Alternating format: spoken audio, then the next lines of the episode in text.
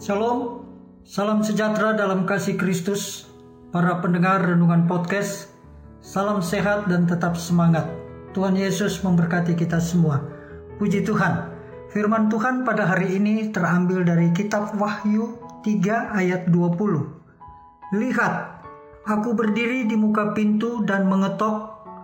Jikalau ada orang yang mendengar suaraku dan membukakan pintu, Aku akan masuk mendapatkannya dan aku akan makan bersama-sama dengan dia dan ia bersama-sama dengan aku. Dengan tema Tuhan mengetok pintu. Holman Hun adalah pelukis sebuah gambar Kristus yang sedang berdiri dan mengetuk pintu sebuah rumah. Setelah karyanya selesai, Hun memanggil rekan-rekannya yang lain dan meminta mereka untuk mengamati dengan kritis melihat apakah ada kesalahan dalam gambar itu. Mereka memandang dengan teliti lukisan itu, tapi tak seorang pun bisa menemukan kesalahan dalam gambar itu. Justru mereka merasa kagum.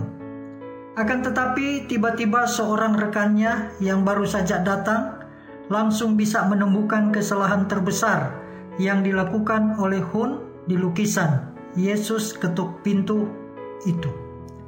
Pak Hun, saya melihat kesalahan mendasar dalam gambar itu adalah Anda lupa melukis gagang pembuka pintu atau kunci di pintu itu.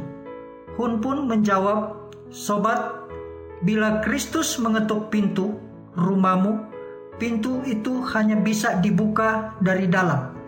Saudara yang dikasihi Tuhan, tiga hal yang harus kita ketahui dari Wahyu 3 ayat 20. Yang pertama, latihlah kepekaan untuk mendengar suaranya. Semua orang percaya diberi kesanggupan untuk mendengar.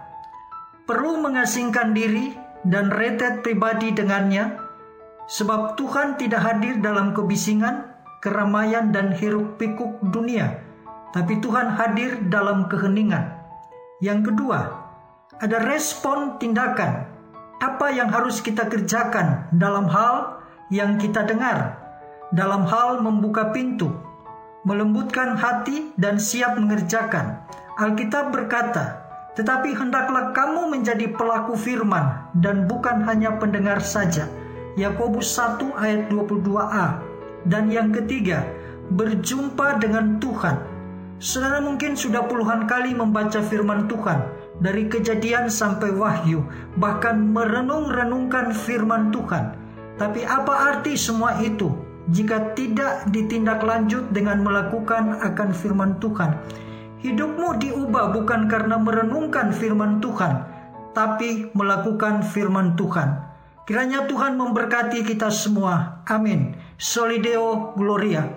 Tuhan Bapa di dalam nama Yesus, mari mampukan kami untuk kami hidup di dalam kepekaan mendengar akan suara Tuhan.